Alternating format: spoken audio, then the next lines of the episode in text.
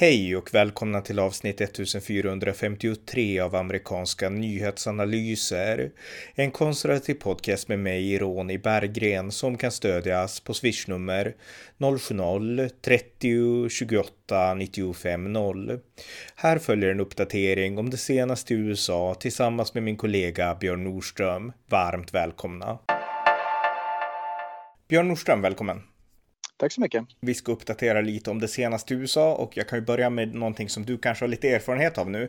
Det är så här att tusen flygrutter har ställts in de senaste dagarna i USA efter julen då när alla vill hem igen efter att ha firat med familjer och så. Och det är på grund av, ja, dels är det på grund av coronan tror jag, men också på grund av alla olika former av oväder kan man väl säga som härjat i USA och väldigt många bilat istället. Ja, jo, ja, det, många flyg har ställts in det, över hela USA.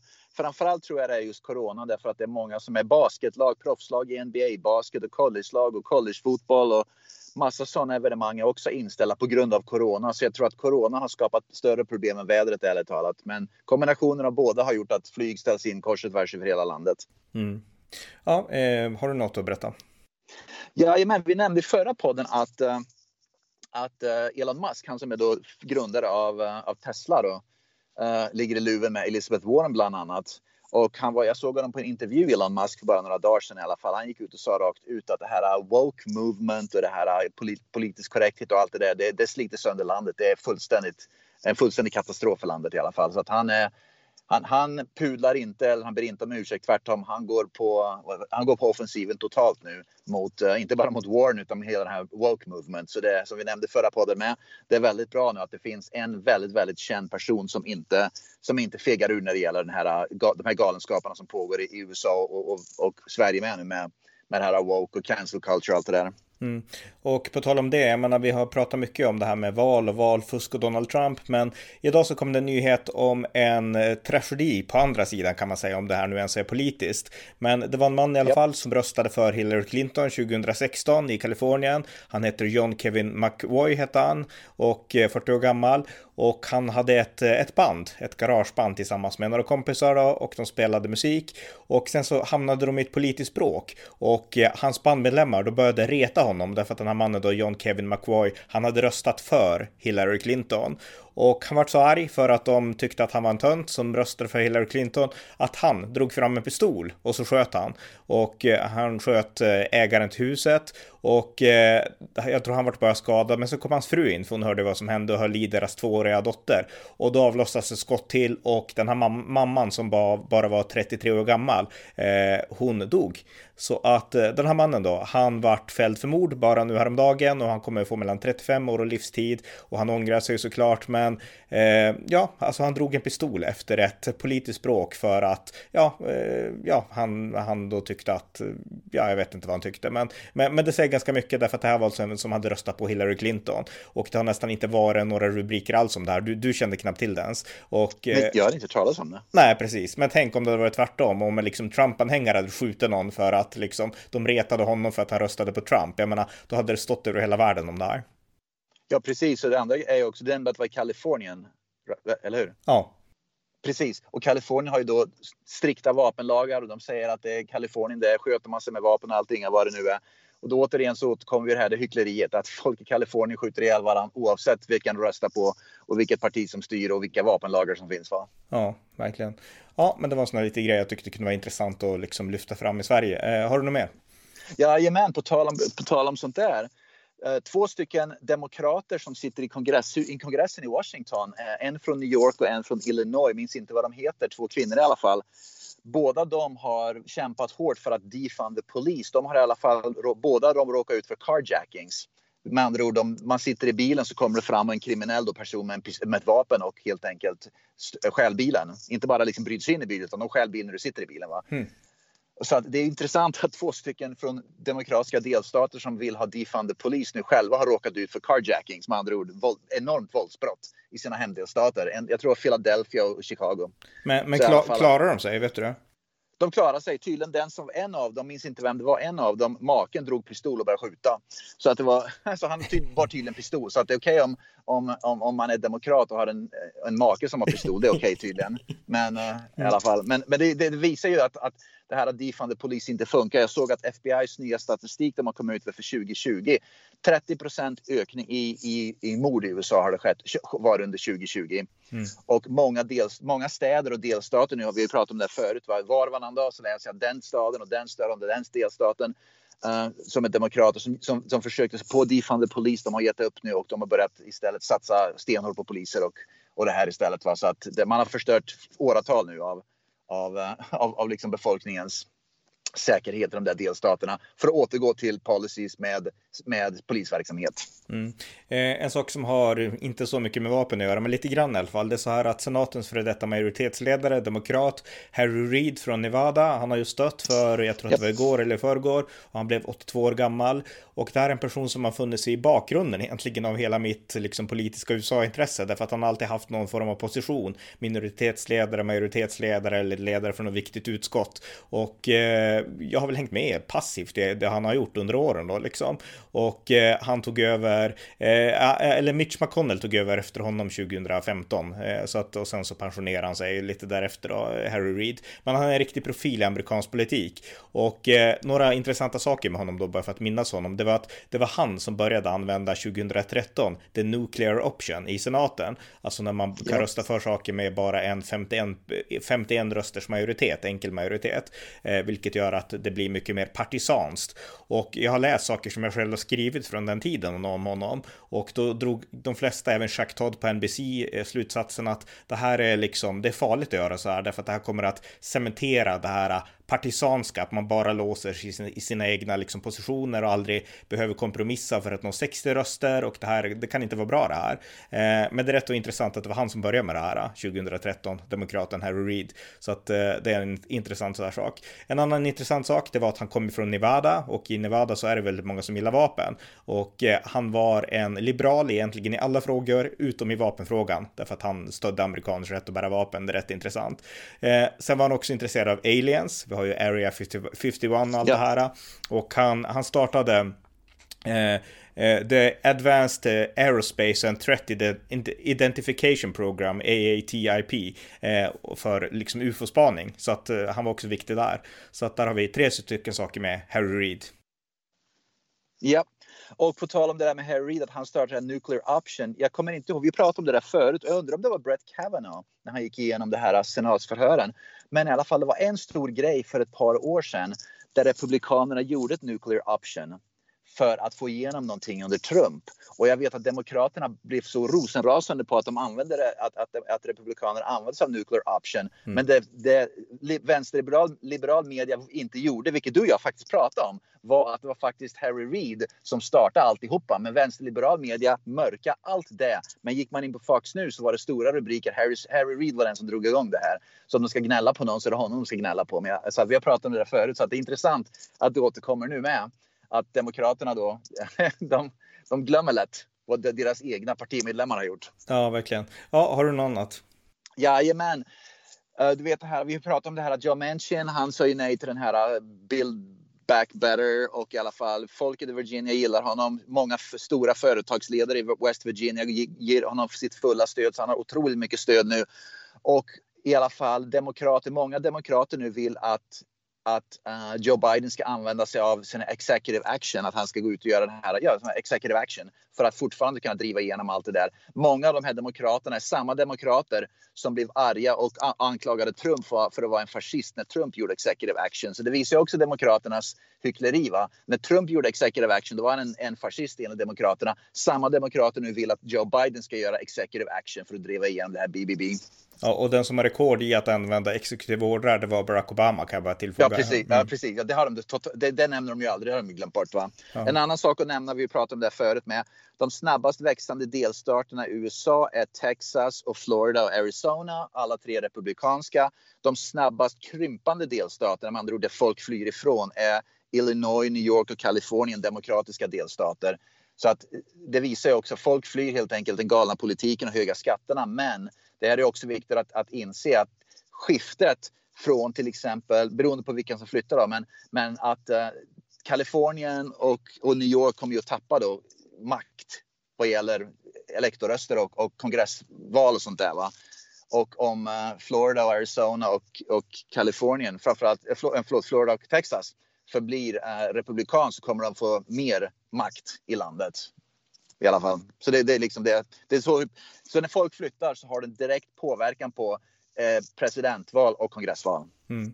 Eh, CDC då, alltså USAs folkhälsomyndighet, de har nu rekommenderat att eh, det är mycket prat nu om smittspridningen av omikron och USA är helt liksom besatta av det här nu av allt jag läst i nyheterna och ja. du kan säkert bekräfta det. det pratas om det överallt hela tiden. Och, eh, men man har ändrat rekommendationerna för förut så var det tio dagars isolering eh, ja. om man hade blivit utsatt för smitta. Nu har man sänkt det till fem därför att man inser att eh, det här med att stänga ner hela samhället är ingen bra idé så att man har sänkt nu isoleringstiden från 10 till 5 och jag vet inte, det vet du kanske bättre om det här är ett tvång eller en rekommendation bara. Det, det, är en rekommendation, men många följer den rekommendationen. På till exempel skolan där min dotter går. Om man kommer nära någon som det heter close contact, så om man kommer med någon, nära någon som har, man har close contact med någon, då, då, då blir man tvingad helt enkelt. Då fick inte barn gå till skolan på tio dagar, men då sänks de. Så att det, rekommendationen blir ett tvång för många. Det är, liksom, det är samma på skolan där jag jobbar. Man blir hemskickad i två veckor helt enkelt. Punkt slut och inget val. Bara. Och jag läste också där förresten. Joe Biden han pratade under presidentvalskampanjen 2020 att han skulle lösa det här med corona och allting det nu var. Han har erkänt öppet nu att det finns ingen lösning. Han hade aldrig någon lösning. Så vi vet att Joe Biden under presidentvalet 2020 ljög och hittade på enbart för att kunna bli vald till president. Han hade aldrig någon lösning. Det fanns inga planer. Det fanns ingenting som kunde liksom lösa eh, coronaproblemet i USA. Va? Så att det har han öppet erkänt nu helt enkelt. Det finns ingen lösning. Allt är som det är. Det blir som det blir bara. Mm. Eh, en sak till då om coronan, eh, det är att vi pratade i vår förra podd om att Donald Trump, han har tagit ett boostershot och han försvarar nu vaccinen. Och i, i mångt och mycket så är det ju tack vare Donald Trump vi har de här vaccinen, i alla fall att vi har fått dem så snabbt på grund av hans Operation Warp Speed och allt det här som han gjorde när han var president. Och han var ju en mycket bättre liksom coronapresident än han varit framställd som i liksom svensk media i synnerhet då, och av liberaler i USA. Så att jag menar, jag är nöjd med Trumps coronapolitik. Men hur som helst, han har tagit en boostershot, han stöder vaccin och det har fått väldigt många in, inom hans egna led att gå emot honom. Och en av de som har ja. gjort det, det är Candace Owens, den här svarta unga kvinnan, ja. republikan. Och hon är ju, hon är ganska bra tycker jag, generellt. Inte alltid, för man märker att hon är oerfaren ibland och att han sticker ut på områden där man känner att det här kan inte du riktigt. Jag menar, jag har upplevt det med henne när jag sett henne prata om islam. Jag fattar att du kan inte det här, hör jag när jag lyssnar på henne. Och eh, när det kommer till coronan så är hon emot vaccin och hon verkar gå på de här konspirationsteorierna. Och hon intervjuade Trump och eh, ja, hon tyckte då att det var besynnerligt för Trump var ju tydlig, jag stöder vaccin, det är bra ungefär. Och efteråt så försökte de förklara för sin publik då att, att det här Trump liksom, han, han är gammal och han liksom, han kan inte det här med internet, han har inte läst alternativmedia och det är därför yeah. han försvarar vaccin. Och jag tyckte ärligt talat att det där var otroligt fånigt och lågt av henne och dumt och korkat helt enkelt så Candice Owen, hon, hon ska hålla sig i fållan där hon är väldigt bra. Hon är otroligt bra när det gäller att debattera rasismen som inte finns, som liksom blåses upp som, som inte alls är lika stor som folk, det här woke, cancel culture. Den fållan, ska, om hon håller sig inom det så blir hon liksom en superhjälte. Va? Men jag tror att hon har blivit så populär att hon hamnar i diskussioner och debatter i ämnen som hon inte hanterar, precis som många svenska journalister och debattörer. Va? Tittar man liksom i Anders Lindberg och Lars Lindström, vad de nu heter, i, i liksom de här ledarskribenterna. Va? De kan egentligen ingenting om någonting. Och det är samma som när SVT och TV4 rapporterar om USA. De kan extremt lite. Men de anlitas ändå därför att de är ändå utrikeskorrespondenter. Så jag tror att hon har blivit någon slags... Hon har liksom höjts upp ganska högt nu för att hon är väldigt skicklig i vissa ämnen. Och då helt plötsligt kommer det ämnen bara liksom som, som hon tar sig an som hon inte riktigt borde ta sig an tror jag. Ja, jag håller helt med. För stor plattform för, ja, för henne helt enkelt. Eh, ja. Och Trump är ju den som, jag menar om det är någon som har hängt med alternativmedia så är det faktiskt han. Jag menar det finns ju ingen etablerad politiker som har gjort det på samma sätt som han. Så att det, hon, har helt, hon, har, hon har helt fel. Så att, men i alla fall nästa grej då, det finns en annan svart kvinna som är intressant som vi har pratat om. Och det är Winsome Sears i Virginia och hon blev ju lieutenant governor, eh, alltså biträdande guvernör i valet då i början yep av november. Och nu har till och med New York Times uppmärksammat henne att hon är en unik kvinnlig svart republikan och att hon är en stjärna och att hon har möjlighet att faktiskt stjäla demokratiska väljare i en delstat som är en swing state och speciellt när Biden inte är så jättepopulär. Jag menar, hon hade inte haft en chans om Barack Obama hade varit president, men eh, nu skulle hon kunna stjäla därför att Biden är ju inte så där jättepoppis bland svarta ändå. Nej, absolut inte och inte bland latinamerikaner heller. Va? Så att så att det här är ett drömtillfälle. Om Republi vore jag Republikanska partiet och hade liksom lite makt där, då skulle jag nu ska man ju inte meritokrati eller vad det heter, det är väl det som, som egentligen ska gälla. Va? Men om jag vore republikan och jag såg att det fanns några starka svarta kandidater i demokratiska delstater som är swing states, som är, då skulle jag nog fundera ett eller två eller tre varv att det gäller nog att ta fram ett par svarta kandidater nu för nu, nu kan man verkligen fira stora segrar i, i, i svängdelstater nu tror jag. Ja, ja har du något mer? Jajamän, du vet Bette Midler som vi pratade om, hon gick ut och anklagade då efter att John Manchin inte ville göra det här Build Back Better så Bette Midler kändisen då Hollywood eller vad det nu var, Broadway gick ut och anklagade West Virginia för att vara, eh, för att vara massa, massa bondlurkar som inte var läskunniga. Uh, tittar man på statistiken, det här blir ganska roligt va. I West Virginia är 87 procent, i svenska mått är det här ganska lågt kan man tänka sig. Men 87 procent av, av vuxna i West Virginia är, eh, är läskunniga. Eh, endast 78 procent i delstaten New York är läskunniga och 77 procent i delstaten Kalifornien är läskunniga. Så tittar man på statistik om, om Bette Midler ska ge sig, efter delstat, ge sig på delstater för att vara eh, analfabeter så är det i, demokratiska delstater som New York och Kalifornien borde ge sig på, inte West Virginia. Mm. Ja. ja, men det var en bra poäng, precis. Eh, ja, har du något mer?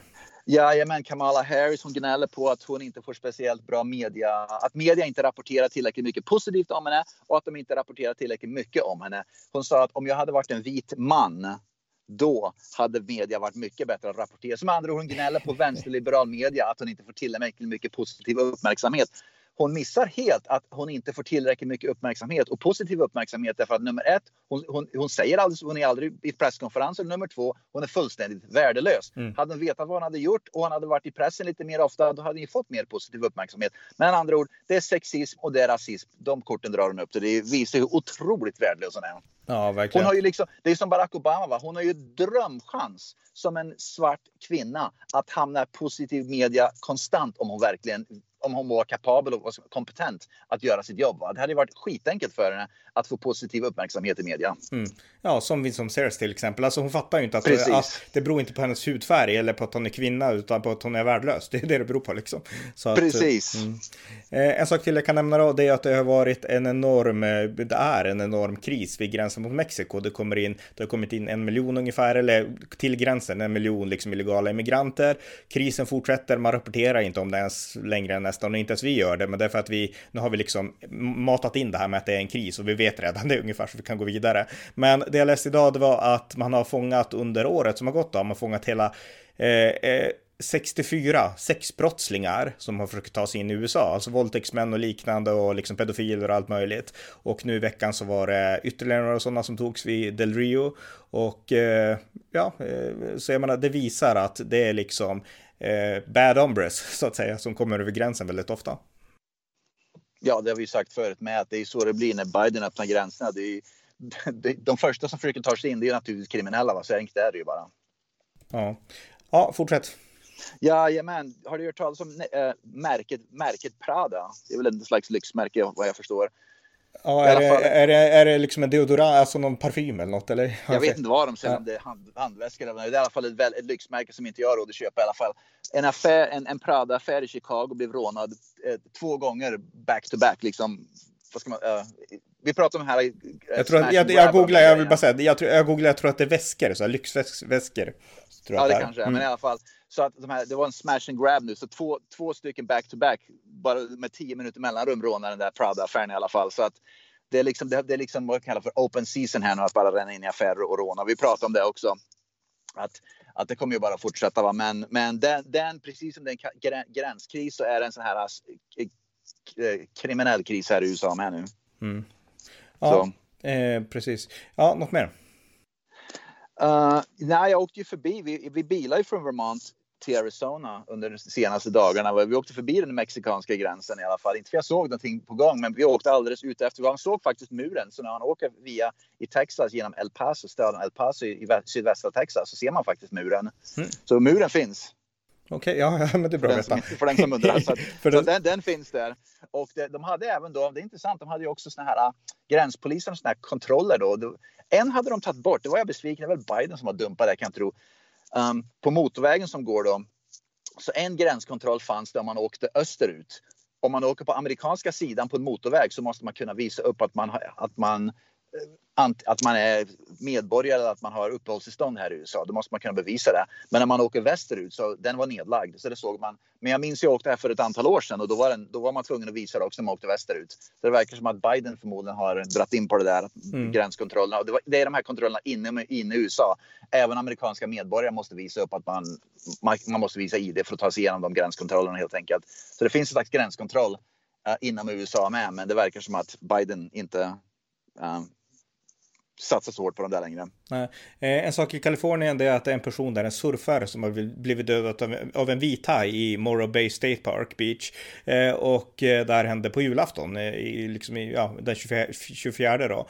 Och man hittade hans kropp, en person såg det här och man identifierade bettet att det var en vit haj. Och det här är inte jättevanligt i USA, utan det, det händer ju ibland att liksom människor dör och dödas av vithajar. Och förra året så var det 33 oprovocerade hajattacker då i USA och tre stycken var med dödlig utgång. Och man bedömer att vithajarna ökar i antal därför att nu är de ju fridlysta, man får inte jaga dem och eh, även sälpopulationen blir större och speciellt där på västkusten. Och normalt så är det i Florida som, som folk blir dödade av hajar och sådär men, men ja. västkusten kommer det här att öka på och eh, forskare försöker sätta på sådana här tags på hajarna som man ska kunna se och spåra och ha dataprogram och så här som man kan varna i tid. Men ja, sådana saker händer och, eh, och ja, mm, jag tycker att jag gillar så här uh, marine life och sånt så att jag är rätt intresserad av sånt. Men ja, eh, ah, okay. sånt händer inte i Sverige. Så att det är det som gör det spännande. Ja, ja, ja eh, något mer? Ett par snabba saker till. Uh, på tal om simma, hav och simningar och vithajar och så. Vi pratade för ett par poddar sedan om, om en transgender simmare som heter vad heter Leah Thompson eller vad den hette. Mm. Som i alla fall en, en före detta man som simmar två år i college i USA här på universitet som man och sen blir kvinna och spöar skiten ur alla det är i alla fall en, en, en person som sitter i styrelsen för USA Swimming, vilket är vad ska man säga, eh, organisationen i USA uh, eh, som styr liksom, simsporten i USA. En styrelsemedlem för den har hoppat av i protest mot att den här transgender tävlar mot kvinnor och sagt att det här är helt åt helvete. Det här, den, här, den här transgender har, har för, håller på att förstöra, totalt förstöra kvinnliga sim, simsporten i USA. Därför att det är en man som spöar skiten ur kvinnor. Va? Så i alla fall, det finns i alla fall en som, som är en av de högsta ledarna inom simsporten i USA. I, i nationella simsportsförbundet som i alla fall har hoppat av och pratat att det här, liksom sagt rakt ut att det här är åt helvete. Mm. Uh, en annan sak som händer nu i Chicago, Chicago det verkar vara liksom mecka då för, för kriminella då, förutom Kalifornien. En ny typ av brott som håller på att ske nu där människor då gaddar ihop sig då, kriminella gäng gaddar ihop sig. Uh, är att flera kriminella då uh, knackat på dörrar hos, hemma hos folk. Och vanliga liksom bara går runt till bostadsområden och knackar på dörrar. Va? Tre, fyra stycken. Och, och, och liksom sätter på sig såna här vad ska man säga, uniformer så de ser ut som att de jobbar för elverket eller för te Televerket eller något sånt där. Va? Och när personen kommer och öppnar så bara ränner de rakt in i huset och liksom tacklar personen och, och, och liksom rånar dem helt enkelt. Mm. Så det är nästa typ av brotts, av brotts, vad ska vi säga, brottsvåg som sker här i USA. Och mycket beror ju på att det, att det är Chicago eller Kalifornien är ju inte helt förvånande just för att det finns inga poliser längre och, och det liksom, de, de bestraffas ju inte man tillåter i princip vad som helst nu för tiden. Ja, nej men det, det, är absurt att, att man kan, ett, alltså ett samhälle kan inte fungera om man låter sånt hållas. Antingen ska polisen skjuta dem eller så ska de som borde göra det och har rätt att göra det. Liksom. För att jag menar, låter man sådana laglöshet hållas då faller ju kollapsar samhället totalt till slut. Ja visst, och för att bara nämna Chicago igen. Eh, om, när man, det kallas för en dispatcher och det är när man ringer till 112 911 911 här så liksom, du svarar ju någon i telefon och vilken, vilken typ av hjälp man behöver. Va?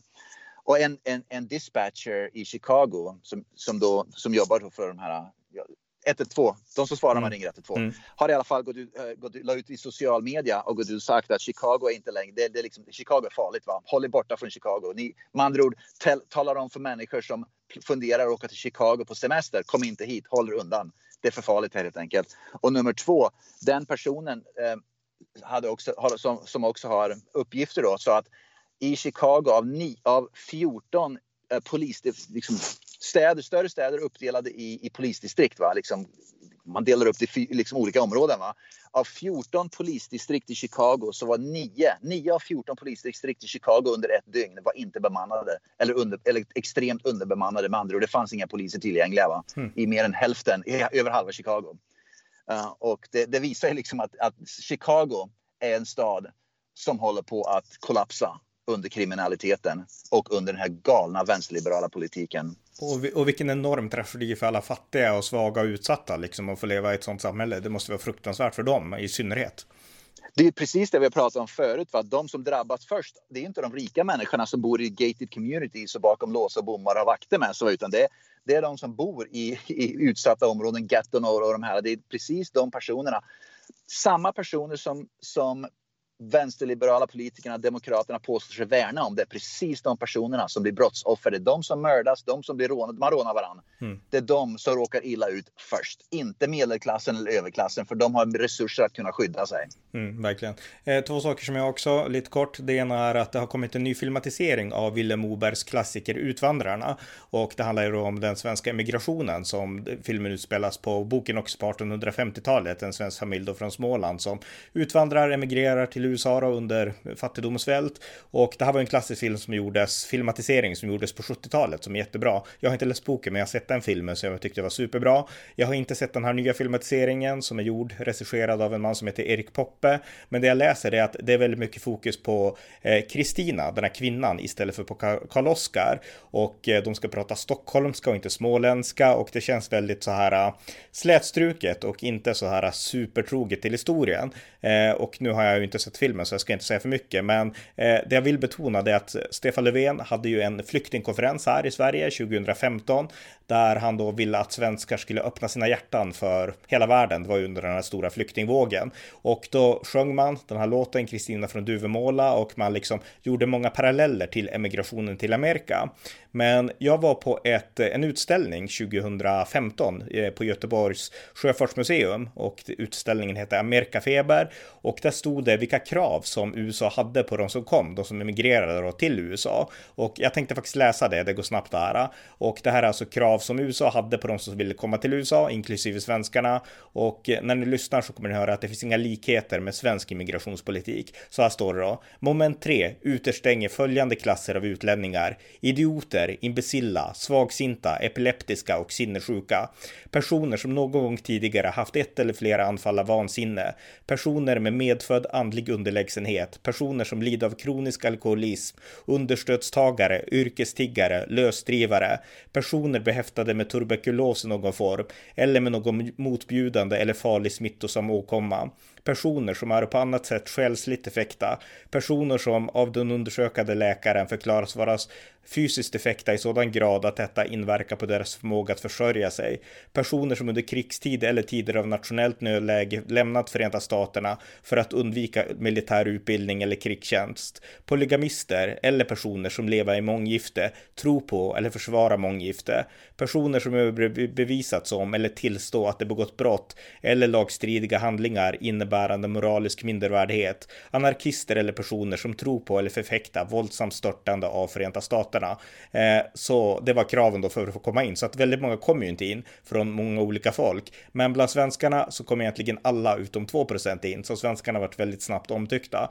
Men den här eh, filmen då, den, han vill göra en parallell för han säger att då den här eh, Erik Poppe att, eh, att det finns skäl att tro att den här berättelsen om den svenska Amerika-migrationen inte har gått ur tiden. Eh, skälet till att människor idag flyttar på sig är för att de har en dröm om ett bättre liv. Och kan väl göra en parallell han också till liksom immigrationen just nu. Och det är det jag vänder mig emot då. Så att jag hoppas att eh, ja, jag hoppas man läser böckerna, Vilhelm Mobergs böcker istället för att få hela historien från den här filmen. Ja visst, det var mycket intressant. Och det är någonting som svenska i, i den här debatten om migrationen i Sverige alltid har pratat om. Att, att man har alltid jämfört det med migrationen till USA, men man har aldrig nämnt som du nämner då, att komma in, att det var inte några, man kunde inte åka till USA och immigrera hit och bara sen bli liksom försörjd av staten och inte göra någonting och begå massa brott. Va? Man pratar liksom aldrig om någonting. Man, man jämför svensk immigration med amerikansk immigration för hundra år sedan och tror att det är ungefär samma sak. Men det var ju absolut inte det.